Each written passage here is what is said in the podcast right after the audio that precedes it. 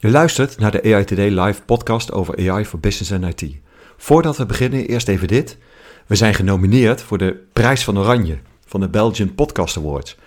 We zijn super trots op deze nominatie en jij kan ons helpen om deze prijs te winnen. Luister je graag naar onze podcast? Stem dan via belgianpodcastawards.be. Alvast bedankt. Welkom bij een nieuwe aflevering van Today Live. Met vandaag de gast Mark Steen, boek, boek, auteur van het boek Ethics for People Who Work in Tech. Mijn naam is Joop Snijder, CTO bij Agency. Mijn naam Niels Aklee, Chapter Lead DTI bij Infosport. Mark, dankjewel uh, dat je onze gast wil zijn. Het is een eer uh, om jou als auteur hier uh, te hebben. Zou jij je willen voorstellen aan onze luisteraars? Ja, nou, uh, dankjewel voor de uitnodiging. Leuk om over, uh, deze onderwerp, om over dit onderwerp te praten. Mijn naam is Mark Steen. Ik werk als senior onderzoeker bij TNO. TNO is een grote organisatie, 3000 plus experts in van allerlei gebieden. Energie, ICT, mobiliteit, urban, van alles. En we doen altijd toegepast wetenschappelijk onderzoek. Dus zeg maar tussen universiteiten en bedrijfsleven in ook om die brug te leggen. Dus uh, ja. lastige dingen, moeilijke dingen praktisch maken. Dus ja. daar gaat mijn boek eigenlijk ook over. Ja, toch? Ja, want ethiek, ethiek is best lastig. We hebben het wel vaker in deze podcast gehad over ja. ethiek. Wat is volgens jou ethiek en waarom heeft het te maken met AI? Want daarom zit je in deze podcast. Mm -hmm. Ja, uh, er zijn natuurlijk heel veel opvattingen over ethiek. Ethiek is al duizenden jaren uh, een onderwerp van, van allerlei culturen. Uh, ik zal een paar voorbeelden geven van wat ik denk dat het voor mij in ieder geval niet is. Ja. Uh, bijvoorbeeld niet zoiets van, hey Mark, uh, kun je een uh, stempel zetten op dit project? Of te kijken of het wel goed is, ethiek. Ja. Ethisch goed en zo. Het is ook niet zeg maar een soort van hele moeilijke checklist van waar je allemaal aan moet voldoen. Dat is veel meer een soort van privacy of compliance eisen die je kunt stellen, bijvoorbeeld op het gebied van privacy. ethiek voor mij, daar gaat eigenlijk mijn hele boek over, is een, zie ik meer als een proces. Ja wat je kunt organiseren, wat je kunt doorlopen, wat je met een aantal mensen kunt doorlopen, wat je een aantal keren ook kunt herhalen. Dus uiteindelijk wordt het dan een participatief en iteratief proces van vragen stellen. Uh, hey, is dit wat we willen? Is dit het goede om het te doen? En dan uh, daarop terugkomen als, het, uh, als je wil bijsturen. is veel meer de metafoor van een stuur. Oh ja. Wat ik ook wel gebruik van... ik moedig ook mensen aan om, en mijn boek is ook als praktische hulp erbij bedoeld, van als je in je project ethische vragen wil stellen, dan kun je merken dat ethiek je het kunt gebruiken als een stuur om jouw project uh, netjes of veilig van A naar B te brengen. Om te voorkomen dat je niet bam tegen de val, uh, hoe heet het, tegen de vangrails zit de hele tijd. Of uh, de verkeerde afslag neemt.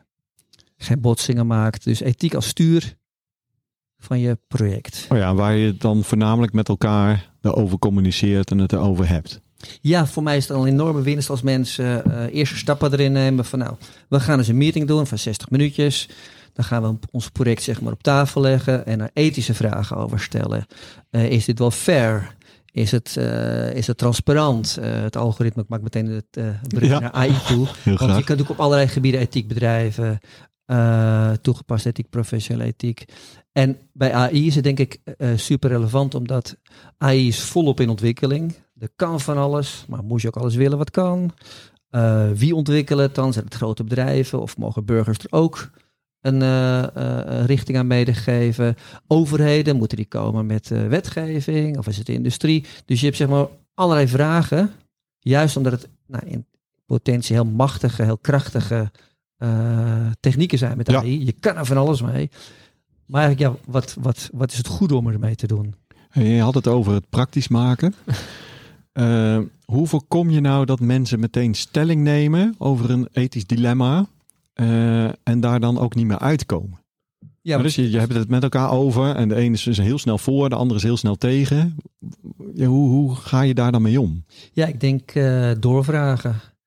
We hebben ook binnen TNO wel ervaring in transdisciplinair samenwerken. Dus dan zijn een data scientist en een legal en iemand van operaties en nog iemand en nog iemand rond de tafel hebben. En nou, dan zegt iemand wat. Dat is fijn als iemand stellig is. Dan kunnen we het erover hebben. Maar het gaat ook om, om, om door te vragen van wat bedoel je daarmee? Uh, kun je uitleggen? Kun je de aannames die jij meeneemt, doordat je, uh, vanuit waar je die ook die bewering doet, op die ook uitleggen. Dus het is voornamelijk doorvragen ook en, uh, en naar elkaar luisteren naar de antwoorden die, we, die, die ze geven. Ja, dus, dus zorgen dat je het perspectief van de ander begrijpt of open staat om het te begrijpen en die als een compleet beeld van je omgeving te schetsen om dan een route te gaan bepalen. Ja, ja. Compleet wordt het niet, maar het wordt wel completer. Als je meerdere mensen aan het woord laat en je luistert er een eindje naar en je vraagt dus door wat bedoel je precies en hoezo en verleg eens uit. Ja, ja. Ja. het wordt een completer beeld. En heb je situaties, eh, zoals je ook net zei, van je zit misschien wel eens in een impasse. ik zeg A en die zegt B en je komt er niet uit. En kom je dat in de praktijk wel eens tegen en hoe wordt er dan mee omgegaan? Ik, eh, ik ben heel vaak blij dat ik bij TNO werk, want we hebben er best heel veel nieuwsgierige mensen en Ja. ook heel veel mensen met verschillende expertise. Dus vaak blijft het gesprek gewoon doorgaan. Dus dan zegt diegene wat en dan kan die ander weer een vraag over stellen of een ander perspectief naast zetten. Echt impasses heb je misschien eerder als er heel veel zeg maar eh eh, at stake is. Eh, hoe zeg je het in het Nederlands? We zouden goed Nederlands hebben. Ja, precies. Als er heel veel op het spel Op staat. het spel staat exact dat, dankjewel. Dus dan, dat is veel meer in een soort van bedrijfscontext, waarbij harde financiële belangen van Horus. Het kan wel zijn dat jij die eh, social media app wat, eh, wat meer fair, meer, eh, nee, wat dan ook wel hebt, wat minder verslavend wil Mhm. hebben, bijvoorbeeld een voorbeeld. Maar ja, ons businessmodel is namelijk gebaseerd op veel bezoekers, lang blijven zitten en advertenties aan verkopen. Dus ja, Ja. dat overroelt zeg maar dan een, eh, een andere overweging.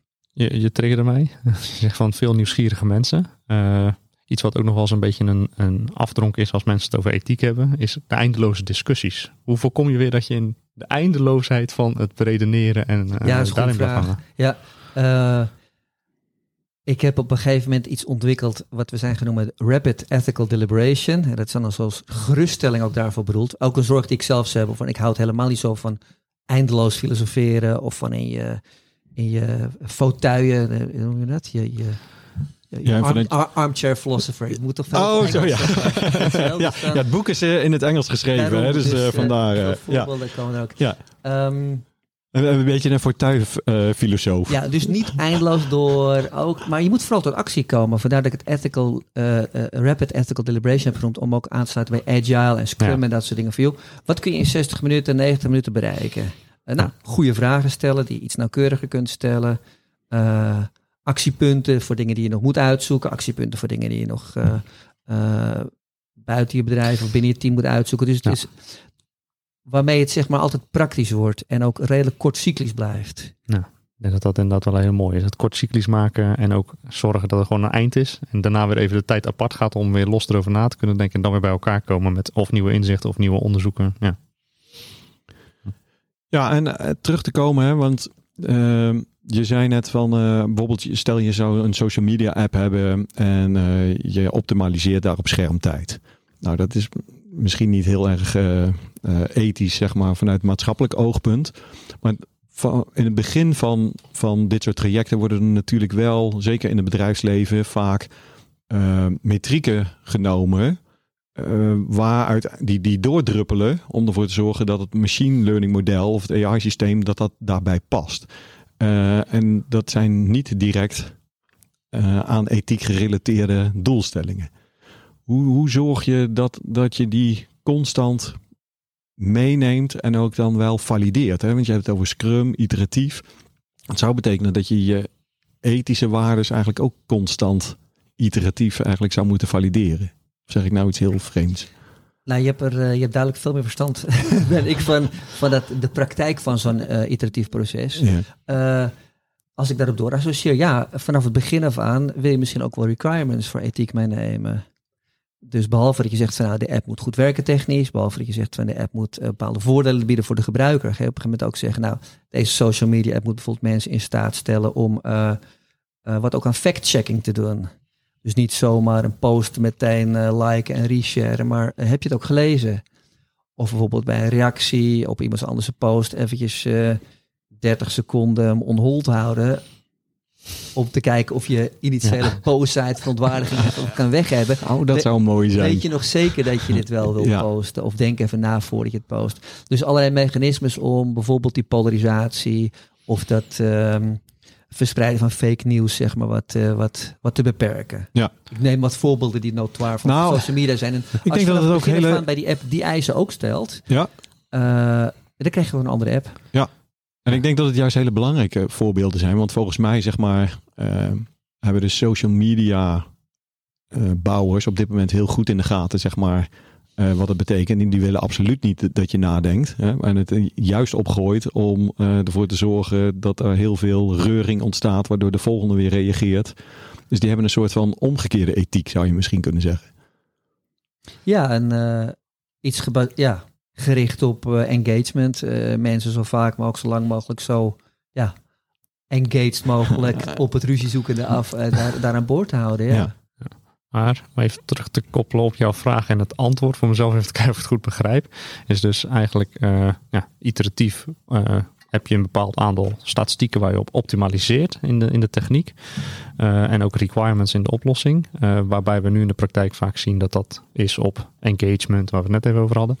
Maar dat we daar eigenlijk nieuwe requirements aan toe moeten voegen tijdens de designfase wat mij betreft. Is ook de ethische zaken om te zetten naar eh, requirements voor de implementatie. Zodat je eigenlijk zoals je je applicatie en je modellen ook continu blijft evalueren. Dus ook die automatisch meeneemt in het proces van herevaluatie.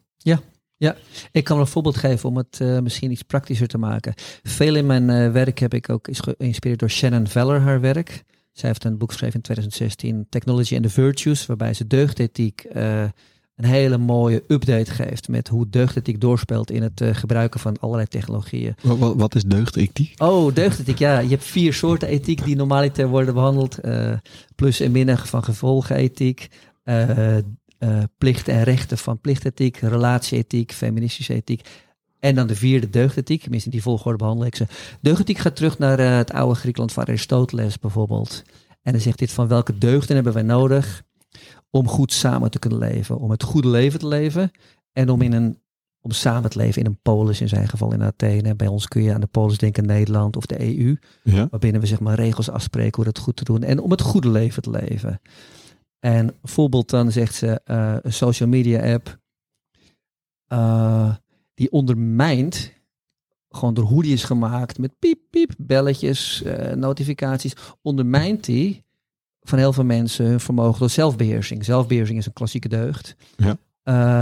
Nou ja, dan ben je een half uur verder en denk je van, wat deed ik ook weer op Twitter of op Facebook? Dan kan je ook een andere app bedenken die zeg maar die zelfbeheersing juist helpt te cultiveren. Dus dan ga ik naar Facebook of Twitter en dan zeg ik van, eh, oh, ik wil wel even iets doen. En dan komt hij eerst met een pop-up van, wat wil je eigenlijk doen en hoeveel minuten wil je er ongeveer aan besteden? Nou ja, dan ben ik natuurlijk slim genoeg om te zeggen, nou, vijf minuutjes lijkt me wel zat. Ja. En dan gaat na vijf minuten inderdaad dat wekkertje. En dan heb ik zelf natuurlijk alsnog de keuze. Het is dat op zich meer een nudge. Maar dan houdt hij me een beetje bij de les van wat ik ook weer belangrijk vond. Dus dan kan hij mij helpen de deugd van zelfbeheersing. ja, precies. Ja. Het zou mij wel helpen. Ja? Deze- Deze feature, ja, ja, ja. Ik heb wel avonden van ik ga even nog even dit uitzoeken, want dan ben ik wel geïnteresseerd. En dan kom ik van artikel naar artikel naar artikel. is nog niet eens per se social media, maar dan zou mij zo'n trigger wel even helpen. Ja, je wilde alleen even een half uurtje dit onderwerp onderzoeken. Heb je dat nu gedaan of niet? Dat zou Ja. mij wel helpen, ja. Ja. En een nudge, je, je noemt nudge. Wat, wat, wat is een nudge? Oh, dat wil meer zeggen van het is een beïnvloeding, maar waarbij degene die beïnvloed wordt, alsnog gewoon keuzevrijheid heeft. Je Ja. kan hem wegklikken, je kan door, maar je krijgt even een reminder, zeg maar, van eh, wat wilde je ook weer? Dus dan dat, dat het wat meer eh, eh, een explicietere keuze wordt. Ja. Overigens, het klassieke nutje is juist gebaseerd op onbewuste nutjes. Zo van je loopt bij de kassa en je denkt oh Snickers, lekker. Ja. Eh, of omgekeerd bij de bedrijfskantine, oh fruit, wat dan meer naar voren ligt, lekker. Eh, dus het is meer een bewustmakende nudge, wat dan misschien niet per se nudge mag heten. Ja, ik heb een keer op een eh, project gezeten bij, waar je grote kantoortuinen had. Maar dan had je ook van die, van die cubicles hè, waar je kon zitten, waar, je- waar je dan helemaal in con- concentratie Mhm. ging. En dan ging bijvoorbeeld rond lunchtijd, zat er even zo'n dipje in het licht. En s'avonds om vijf uur en half zes nog een keer. Om je Ah. even eh, te Mm. laten weten van, eh, nou ja, misschien is het wel tijd om even te stoppen. Ja. Hè, maar je kon inderdaad eh, door. eh,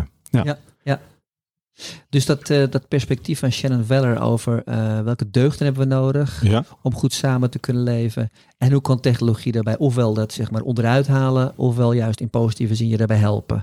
Nou, dat, ik vind dat een heel mooi perspectief, omdat eh, die andere ethische perspectieven zijn ook heel mooi hoor. De plussen en minnen, plichten en rechten en, en relatieethiek.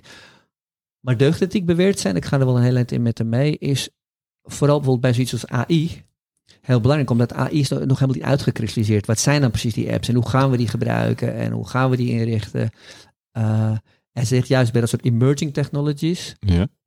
emergerende technologieën, opkomende die nog technologieën. in ontwikkeling zijn, die nog niet helemaal uitgekristalliseerd zijn of verre van uitgekristalliseerd, kan juist deugdethiek je een, eh, een soort van overall visie geven. Wat, wat wilden we ook weer voor samenleving? Hoe wilden we ook weer daar goed samen in leven? En wat kan daarbij helpen? Wat zijn eh, dingen die je gebruikt in de workshops om eh, zeg maar dit soort gesprekken te starten? Die Rapid Eth- Ethical Deliberation bestaat uit, eh, uit drie stappen. Eentje is, eh, nee, stap nul. Heel Ja. belangrijk om het ook veel praktischer te maken, zodat je niet dat eh theoretische of filosofische, zeg maar tussen aanstekens hebt. Stap nul is iemand van het projectteam vertelt wat het product of het systeem of de dienst of de applicatie is waar het over gaat. En dat om te voorkomen dat eh, eh, gedurende de rest van het gesprek men zegt ja, het hangt er vanaf. Nee, nee, het hangt er niet vanaf, want we hebben net gezien, Ja. gehoord, een plaatje, een schets, eh, eh, hoe, het, hoe het werkt. Mhm. Vaak zeggen dan mensen, ja maar Mark, het is nog niet af. Dan zeg ik, dat is alleen maar handig. Precies, dan kan je er nog wat mee. Exact, dan kun je uit, dan kun je nog eh, ingrijpen, zeg maar, bijsturen. Maar dat wil niet zeggen dat het is vaak toch wel even een opdracht, opgave, dat een van de mensen uit het projectteam dan, nou ja, zijn of haar uiterste best doet om het, ja, het zou er zo uit kunnen gaan zien. We hebben een A of een B variant, heb je ook wel eens. Enfin, dat is stap nul. Ja? Stap 1 is dat je vanaf verschillende kanten naar kijkt en zegt van eh, wat zou er mis kunnen gaan? Je kan ook zeggen wat zou er goed kunnen gaan. Je hebt zelfs ook gevallen waarbij je zegt van stel dat het ontiegelijk succes wordt, iedereen altijd overal dit gebruikt. Ja. Dat kan ook weer problemen geven. Ja, zeker. Maar goed, dingen die je af wil vragen ethisch. Wat, zou er, eh, wat zouden er voor kosten of risico's of concerns of harms zijn? Ja. Stap 2 is dat je daarover gaat praten met elkaar. Daar zal ik straks meer over vertellen. Daar kun je dus die vier perspectieven voor gebruiken. En stap 3 is over, overgaan tot actie. Dus zo'n rapid ethical deliberation. Einde daarvan is van jongens, wat hebben we nou gevonden? Hebben we direct aanknopingspunt om direct al in te grijpen bij het sturen? Moet je vooral doen. Maar ook alvast in te richten dat je twee maanden later of twee weken later even kijkt. eh, heeft het bijsturen geholpen? Of ook andere dingen wat je net al zei van eh, eh, dat gaan we even uitzoeken de komende Ja. paar weken. Dus stap 2, er, er samen over praten is zeg maar voor mij, eh, is voor mij de kern. Vandaar dat ik dat eh, deliberatie heb genoemd. Ja, precies. Ik vind het ook wel heel mooi dat je het meteen koppelt aan acties. eh, in- Ja, Net- actionable. Ja. ja. ja. Maar misschien is dat meer de techneut in Ja, mij, nee, dat- weet je. dat- De- dat- je, je dat- wil altijd, je wil, je wil in ieder geval er iets mee kunnen en, en ermee doorgaan. Ja, dat, dat, eh, daarom heb ik het ook zo genoemd. En het spreekt ook inderdaad aan. We moeten wel meteen bij zeggen, die acties zijn niet dat je... Oh, nu is alles helder na een uur. Maar wel, oh, nu is na een uur het een en ander scherper. Wat we weten, wat we niet weten, wat we moeten uitzoeken, wat voor richting we verder willen. Eh, en dan vooral ook de aanmoediging om eh, twee, drie weken later nog een keer zo'n uurtje. Of twee maanden later nog een keer zo'n uurtje. Het is Ja. niet, niet de bedoeling dat je het één keer doet en dan eh, klaar bent. Het is Nee. iteratief. Een vraag die bij mij opspeelt is: wat zijn een beetje de disciplines die in dat soort workshops bij elkaar komen om dit soort gesprekken met elkaar te voeren? Ja, hele goede vraag. Eh, zoveel mogelijk zou je bijna Mhm. zeggen. Vanuit het projectteam komen er dan vaak wat eh, de technisch georiënteerde mensen. Eh, heel nuttig.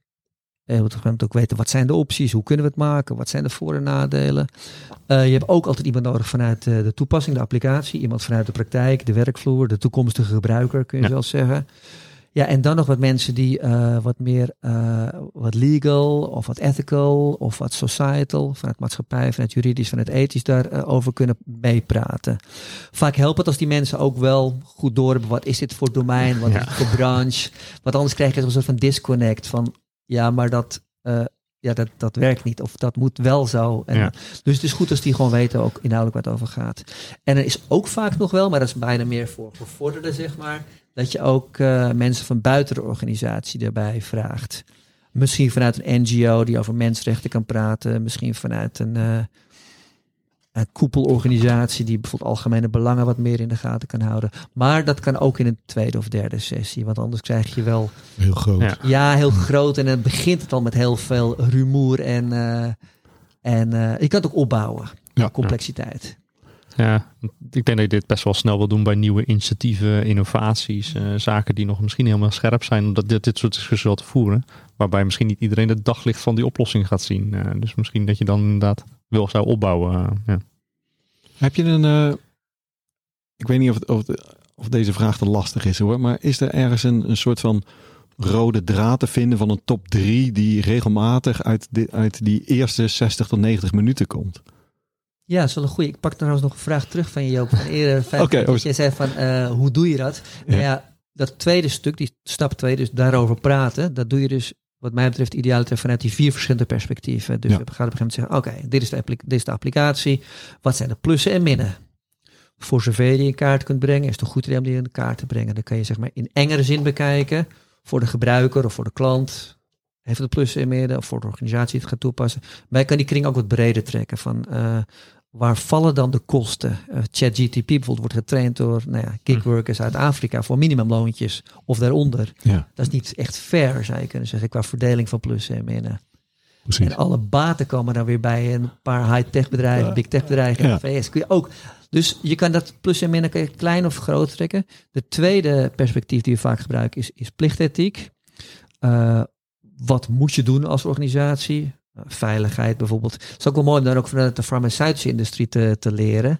Of vanuit eh, eh, andere consumentenproducten, wetgeving. Van joh, waarom mag je eigenlijk AI zomaar in de wereld op de markt knallen? Ja, Normaliter medicijnen en voedingsmiddelen heb je de plicht om eerst een hele serie tests en dan pas heb je je stempeltje, zeg maar, dat je door mag. Eh, dus dat zou wat mij betreft ook wel een plicht kunnen worden. En ik denk ook dat de AI-law, de AI-wetgeving vanuit de EU, dat ook wel een, eh, een heel stuk gaat doen. En ook de, met de toezichthouders erop. in ieder geval uh, zo direct voor de hoge risico applicaties uh, Ja. wordt het een verplichting. Hè, dat je in een, in een sandbox, hè, dus in een afgeschermde omgeving moet kunnen aantonen. eh, dat, dat, dat hij in ieder geval doet wat hij zou moeten doen. Ja, en, eh, betrouwbaarheid, veiligheid in eerste ja, plaats al. Ja, ja. Dat soort en, maar, maar of iets dan uiteindelijk nog ethisch is, is, is denk ik ook best wel moeilijk te checken. Ja, ethisch op een gegeven moment ook wel een soort van verzamelterm. Want op een gegeven moment kan je zeggen, joh, als het ding betrouwbaar is en het ding is veilig, dan zijn dat sowieso, hoe je het ook wendt of keert, zijn het plusjes aan de Ja, ethiekant. ja. Want het is beter dan eh, onveilig en onbetrouwbaar. Precies. Ja. ja. Eh, dat tweede perspectief van plicht en rechten zit ook rechten bij. Ja. Eh, Hogeschool Utrecht, of is de Universiteit Ut- Utrecht? Ik denk Hogeschool Utrecht. Die hebben ook die eh, Human Rights Impact Assessment, of Fundamental Rights Impact Assessment. Eh, De Zo- I- IAMA bedo- bedoel ja, ja, denk ja, ik. precies. Ja, ja dat is van de universiteit. Zeg jij het, maar hoe het precies zit? Het is de Impact Assessment voor mensenrechten en algoritmes. Die is het. Ontwikkeld door de Universiteit van Utrecht. door Mirko. Eh, die weet ik niet, maar Iris Muis is daar bijvoorbeeld bij betrokken. Ja, we bedoelen dezelfde groep, absoluut. Ja. Dus excuses voor, het was de Utrecht. Oké. Ja. Eh, de Universiteit Utrecht. Ehm, ik ga snel door naar die derde. Eh, hoe kun je nog meer soort vragen stellen? Je kunt ook over, eh, dat noemen we relatie, heb ik relatieethiek genoemd. Daar zit ook feministische ethiek en, en care ethics bij. Maar dat is een lang verhaal met helemaal uitleggen. Maar het gaat over, laat ik het voorbeeld van ChatGTP weer nemen. Hoe kan dat, als we dat continu gaan gebruiken, de, de vermogens om, om, om als mens tot mens te communiceren, hoe kan het dat ondergraven? Ja. En ook bijvoorbeeld kan het vragen stellen over macht.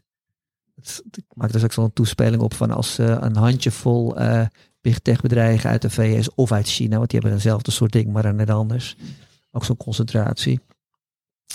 Als die zeg maar heel veel macht naar zich toetrekken, dan kun je er ook vragen over stellen vanuit relatieethiek. En die vierde, nou ja, dat heb ik al genoemd, de deugdethiek van Ja. hoe kan het ons helpen om bepaalde deugden wel of niet te ontwikkelen of ondergraven te juist. En dan terug naar ehm, zo'n rapid ethical deliberation, dat heb ik vaak gedaan. Ik heb het zelfs ook wel in de coronatijd gedaan. Dan hadden we zo, eh eh, zo'n Miro-board. Ja. En er waren bijvoorbeeld met z'n zestiende en die gingen dan in vier groepjes van vier. En ieder zo'n kwadrant. En dan had ik zo eenvoudige vragen gegeven. Zoals En het kwadrant zijn dan die, die vier eh, items die je bedoelt? die had Ja? ik ook als kwadranten vormgegeven. Ja. En terwijl ik zeg maar als facilitator keek, dan zag je zo die vier keer vier mensen, zag je zo daar tekstjes optypen, brainstormen derwijs. En na een kwartiertje hebben ze dan dus een aantal, nou ja, top drie van concerns die ze hebben binnen ieder van die vier perspectieven. Eh, en daar vroeg je ook naar. Ja. Ehm, rechtvaardigheid is een heel belangrijke. Die kom je gewoon heel vaak tegen. Of het nou fairness heet, of dat het nou bias heet in je trainingsdata. Is het fair? Zijn Ja. de plus en minnen netjes verdeeld, fair verdeeld? Eh, dat is een heel veel voorkomende. Ik denk dat rondom transparantie ook heel veel voorkomt. Ja. En dan kun je ook heel veel kanten mee op van eh, transparantie in technische zin. Snappen wat hij doet. Ja, dat is bij AI soms niet altijd eh, per se de belangrijkste vraag. Het is meer van, kunnen we er nog wat sturingen geven? Kunnen we er nog eh, een beetje naar kijken? En kan ook degene die zeg maar on the receiving end, hoe zeg het in het Nederlands, aan de ontvangende kant, het Ja. slachtoffer wordt van Ja. de datasubject in kwestie, die dus bijvoorbeeld een, eh, een vlaggetje heeft vanwege verdenking van fraude, om maar eens een zijstraat te noemen, kan die eh, inzicht krijgen in hoe komt het daar? Precies. En kan ik dan ook begrijpen welk formulier ik net anders had moeten invullen. En misschien was het wel een onbedoelde fout. Misschien was het een slordigheidje omdat het formulier heel ingewikkeld En waar was. moet je in beroep gaan als je er tegen bent? eh? Ja, Dus, dus daar zit ook een heel stuk eh, procedurele eh, rechtvaardigheid bij. Gekoppeld aan transparantie. Dus transparantie hangt heel veel achter. Uitlegbaarheid, begrijpelijkheid, de mogelijkheden, de effectieve mogelijkheden tot nou ja, bezwaar maken, beroep maken, eh, redress krijgen, reparatie krijgen. Nou ja, Ja. Dat Nou, nou wil het geval dat eh, eh, Niels en ik een, eh, een hele podcast eh, aflevering hebben opgenomen over allerlei verschillende vormen van transparantie op het gebied die podcast bedoel ik. van, van AI. Dus als je die nog niet geluisterd hebt, luistert die in ieder geval ook nog eventjes. Zeker. Ja, dat is een mooie. eh. Ehm, ja, we hebben trouwens ook nog, eh, ik, ik haalde er even bij. Ja. Eh, misschien kan jij nog even een vraag stellen. We hebben namelijk ook nog eh, Aisha. En die gaat jou zo direct een eh, afsluitende vraag stellen. Maar ik denk dat, eh, dat Niels in ieder geval ook nog even een, eh, een vraag heeft. Maar dan haal ik haar er even bij. Ja, zeker, zeker.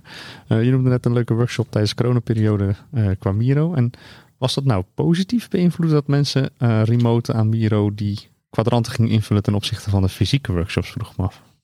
Oh, ik denk dat het vergelijkbaar, is. Met de voor- en nadelen zoals we die kunnen voorstellen. Eh, het had natuurlijk wel een heel eh voordeel qua plannen. Want Ja. Plotseling kon iedereen op de gekste tijdstippen omdat je geen reistijd had Ja. en dat soort dingen. Ja. Eh, nee, je kan hetzelfde doen met een, nou, zo'n zaal als dat we hier zitten. Je kun je makkelijk vier tafeltjes maken met vier mensen rondom en dat kan ook tegelijkertijd. Ik eh, wil eh, de laatste vraag laten aan, eh, aan, aan eh, Aisha. Het is een eer om je te ontmoeten. Ik ben Aisha, de AI-assistent van deze podcast. Mag ik je een vraag stellen? Ja. Als AI gevoel voor humor zou kunnen hebben, wat voor grappen zou het dan maken? Ik heb daar toevallig een keer een podcast over gehoord met Gary Marcus. ja. en die zei woordgrappen waarschijnlijk. ja, Want ja, AI zoals we dat vandaag tegenkomen is heel veel, eh, nou ja, de, de, de ChatGTP-achtige dingen die heel goed met woorden kunnen ja, goochelen, mixen, combineren. Eh, dus woordgrappen. Dat was een zeer diepgaand antwoord, bedankt. Nou, eh, dankjewel inderdaad, eh, Mark, voor deze interessante ja, kijk op het gebied van ethiek. En eh, wat ik heel fijn vind, is de, de, de vertaling naar de, naar de praktijk. Ja. Dus dankjewel. Ehm en ik zou iedereen willen aanvra eh, aanvragen, oproepen om in ieder geval eh, je boek ook te lezen. Het is Ja. heel erg interessant. Ethics for People Who Work in Tech. Een absolute aanrader. Dankjewel dat je weer wilde luisteren naar eh, een aflevering van de AI Today Live. Vergeet je niet te abonneren via je favoriete podcast app en mis geen aflevering.